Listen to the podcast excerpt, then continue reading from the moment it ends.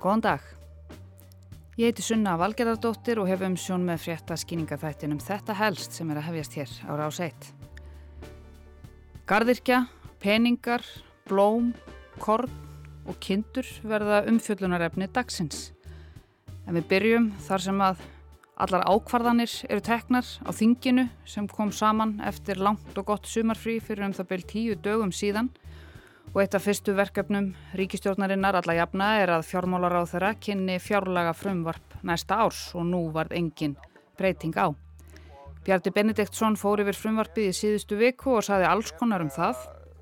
Umfram eldri áallanir og við erum meira segja umfram það sem við gerum ráð fyrir í fjármála áallun á næsta ári í afkominni. Eh, með þessu Og eins og gengur fór frumvarpið misjaflega í fólk. Stjórnar andstaðan var ósátt eins og henni ber eiginlega skilda til. Einhverjir hummuðu, aðrir kinguðu kolli og brostu út í annað en sumir fengu áfall. Þeirra á meðal voru gardirkjubændur að minnstakosti samkvæmt bændablaðinu. Sá ágæti fjölmiðil sinnir hlutverki sínu vel, hann gætir hagsmunabænda og veitir landsmönnum yfirgripsmikinn fróðleikum landbúnað og flest honum tengt. Fyrirsögnin á blaðsíðu 2 í nýjasta tölublaðinu er einmitt gardirkjubændur í áfalli, fjárlagafrumvarp, aukið framlag til kortræktar og arfgerðar rannsókna en aðrir á horriminni. Helstu breytingar frá fyrri fjárlögum eru 192 miljóna króna framlag til eblíku kortræktar sem fellur undir liðin Ímis stuðningur við landbúnað og 100 miljóna króna aukning við greiðslur vegna varna gegn dýrasjúkdómum. Pásum nú aðeins og skoðum hvað er verið að tala um þarna. Byrjum á kornræktinni og förum svo í arfgerðarrannsóknirnar. Við stiðjumst hér áfram við bændablaða sjálfsögðu en lítum líka í okkar eigin þetta helst banka. Það er okkar skoðun að, að helsta fyrirstaðan fyrir að kornræktin eflist á Íslandi er að, að það er ekki til neitt markaður með korn á Íslandi og, en samt eru bændur að kaupa korn en þeir geta ekki keift íslensk korn það stendur þeim ekki til búa það og þeir bændur sem að getur rækt á korn þeim stendur ekki til búa að selja korn sin. Þannig heyrðu við í Hrannari Smára Hilmarsinni til raun að stjóra Landbúnaðar Háskóla Íslands í viðtali við helstið í fyrrasumar þar sem hann var að viðra áhyggjur sínar af bári stöðu íslenskrar kornræktar og tillögur til þess að breyta stöðunni. Og ef, að, ef við gerum þetta ekki þá gerum við þetta aldrei ef við gerum þetta ekki núna og ég held að við sem þjóð, við þurfum bara að ákveða þetta saman, að, að gefa sjálfum okkur þessi gjöf, að auka sjálfsnátt okkur í, í kottrækt vegna þess að við lifum frá mánuði til mánuð og ef að kottni kemur ekki, þá deyja skeppunar. Og ertu bjart síðan á að þetta náðu fram að ganga? Já, ég er gríðlega bjart síðan að þetta náðu fram að ganga.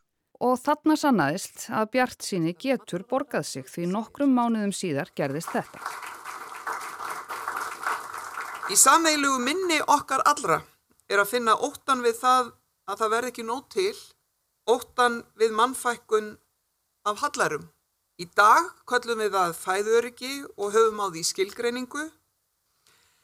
Með því að byrja núna getum við séð fyrir okkur framtíð að sem titill skýslunar verður raunhæfur um að landið sé ekki bara slegin tún, heldur líka bleikir akrar. Ég mun beita mér fyrir því að svo verði.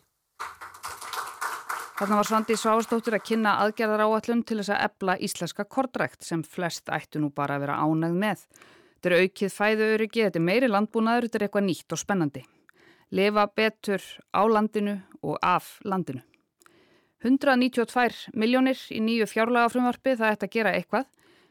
En já, þetta var kortnið og þá er það arfgerðarrannsóknirnar ég bara fæ alveg fyrir stingur í hjartað þegar ég veit að, að til dæmis núna að þeirra á að slátra 720 kindum svona rétt fyrir söðbur sem eru bara nokkru dagar í. Þetta eru rúmlega sko, þetta eru komin næri 2000 kindur á nokkrum vikum. Þarna heyrðum við í höllu Signíu Kristjánsdóttur, þingmanni framsóknarflokksins í helstinu í vor. Hún var að tala um reyðu og eru ömurlegu afleðingar sem sá dularfulli sjúkdómur hefur á kindurna og bændurna sem eiga þær. Næri 100% fjár er í skýslu og, og gagnagrunnur er mjög góður og þetta ætti ekki að vera mjög flókið. Mm -hmm. Það eru allavega öflugur einstaklingar hér á landi sem hafa unnið við þetta og ég held að við getum bara haldið áfram og klára þetta sko. Það er sem sé verið að fara að rannsaka þetta ofan í mænukilfu alveg til þess að reyna að rækta hér reyðu frían söðfjórstofn svo við getum sloppið við hennan hrylling. Og það verðist vera raunhæft verkefni en það kostar auðvitað peninga eins og allt annað. Og þá komum við að 100 miljóna króna aukningunni í fjárlagafrumvarpinu í varnir gegn dýrasjúkdómum. Þetta ættu líka flest að geta sætt sig við riðuleust Ísland árið 2030 eða 40 eða 50 eða 60 er líklega eitthvað sem okkur flestum hugnast og erum alveg til í að setja smá peninga í. En af hverju eru garðurkjubændur í áfalli? Jú, það er vegna þess að til þess að kordræktin og riðuransóknunar geti fengið meiri pening þarf að skera niður annar staðar. Opnum bændablaðið aftur. Heldarframlag til landbúnaðar árið 2024 verður tæpir 23 miljardar samkvæmt frumvarpinu. Það skiptist í 21,2 miljardar til stjórnunar landbúnaðarmála, 741 miljón í rannsóknir þróun og nýsköpun í landbúnaðarmálum og rúman miljard í stjórnsíslu matvælaráðunitis. Helstu breytingar frá fyrri fjárlögum eru þessar 192 miljónir til eblingu kordræktar sem fellur undir liðin Ímis stuðningur við landbúnað og 100 miljónakrónar aukning í varnir gegn dýrasjúkdómum. Aukning er einnig í framlög til matvælastofnunar en eru þau eirðnamett verkefnum tengt fiskeldi. Framlag til búverusamninga lækkar um 343 miljónir. Í fjárlagafrömmvörpunu eru dreyin fram þrjú megin markmið sem lögður áhersla á á næsta ári og eru þau eftirfarandi. Eitt, þá að ebla fæðu öryggi og standa vörðum heilbreyði plantna og dýra, velferð dýra og öryggi matvæla. Tvö, draga úr losun gróðurhúsaloftegunda vegna landbúnaðar og auka bindingu og þrjú, skapa skilirði til fjölbreyttari landbúnaðarframlegslu með sjálfbæra landnýtingu og nýsköpun að leiðarljósi. Þetta hljómar mjög vel. Og svo ángi af sömu frétt um gardirkjubændur í áfalli þar sem steinun ásmundstóttir bladamadur ræðir við Axel Sæland, formann búgreinadeldar gardirkjubænda. Axel er ekki sáttur og segir þetta enn einn fjárlögin sem síni að engin áhugi sé hjá núverandi stjórnvöldum að standa við eigin orð. Og Steinun tekur líka viðtal við Gunnar Þorgersson, formann bændasamtakana. Hann segir, hvað var þar aukningu í kordrækt og söðfjárræktun þá er þetta fjármunir sem voru samþyktir af ríkistjórninni í vor bæði á grunni skíslunar Bleikra Akra sem er aðgerðar áallunin sem Hrannar var að tala um sem Landbúnaðar Háskóli Íslands gerði um aukna kordrækt og riður ansóknum Þetta eru nýjir fjármunir og við fagnum því, segir Gunnar við bændablaðið, varandi lækkun á öðrum fjármunum til landbúnaðar. Þá segir hann að það sé verið að skoða þá liði nánar innan samtakana. Og það var einmitt skoðað í morgun á morgunvakt rásar 1. Björn Þór Sigbjörnsson hafi gert eins og margir, opnað bændablaðið og rekið augun í gardirkjubænduna sem voru í áfalli. Hann hafi samband við Axel Blómabonda og formann búgreinadeldarinnar og þeir byrjuðu á fallegum nótum, Björn og Axel.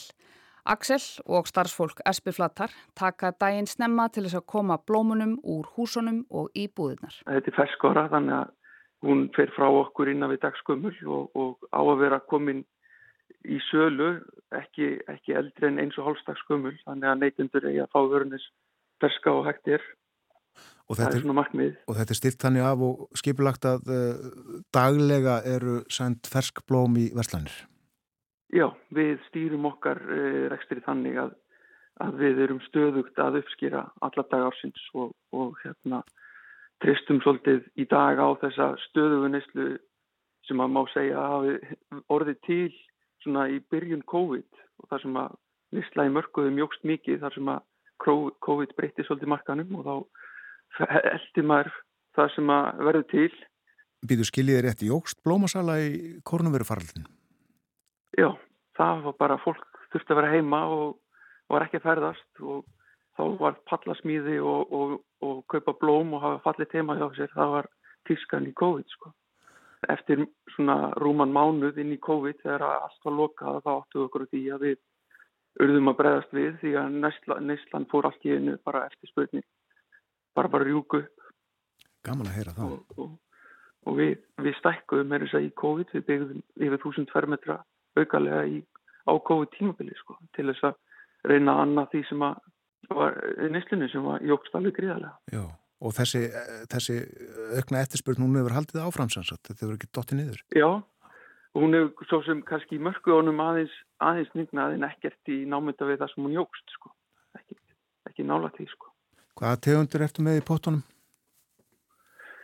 Herðu, ég er nú bara, eða við hérna á Espilflöti erum framlegum engungu afskorum blóm í Vasa heima hjá þér og, og hérna og við sérum okkur í þessari blómandagerð þannig að við erum með óbáslega fjölbreytt úlvar, við erum með gerburur, rósir, liljur, krusa, sóliljur, statiku, límónium og í alls konar litum að því að við viljum geta haft þetta eins fjölbreytt og hægt er. Þannig að hérna, svona að reyna verða við kröfum almennings í því. Já. En svo var áfallið ávarpað. En uh, Axel, garðirkjubændur í áfalli á, saði í bændablaðinu í gær. Hvað er, hvað er að?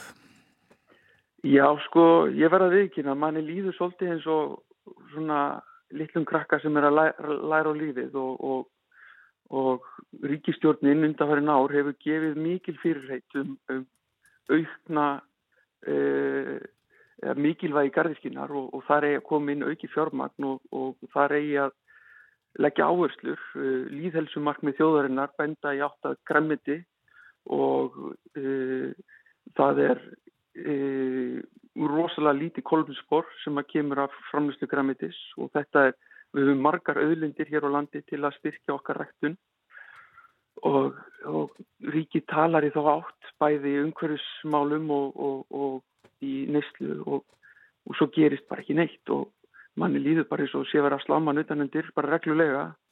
Manstu uh, hvað háar fjárhæðir renna í þetta núna samkant uh, samningi, gildandi samningi? Tæpur miljardur sem að fer til gardirkju úr búurusamningum og búurusamningandir þeir eru sem sagt 22 uh, miljardar og gardirkjan er að fá 1 miljard af því í sinnstöðning og, og helmingurinn af þeirri upphæð hún fer í því í að sem sagt uh, leiðrétta ramagstaksta hjá gargibændu. Já, það, það er niður. Við erum bara, á, við erum bara í, í vennilegu takstaðumhverfi og, og, og ríkið á, í staðin fyrir að við fáum taksta við okkar hæfi vegna þess að við erum að nota gríðalegt magnaramagni að þá vil ríkið frekar setja pening til styrktar okkur til þess að láta svo fá.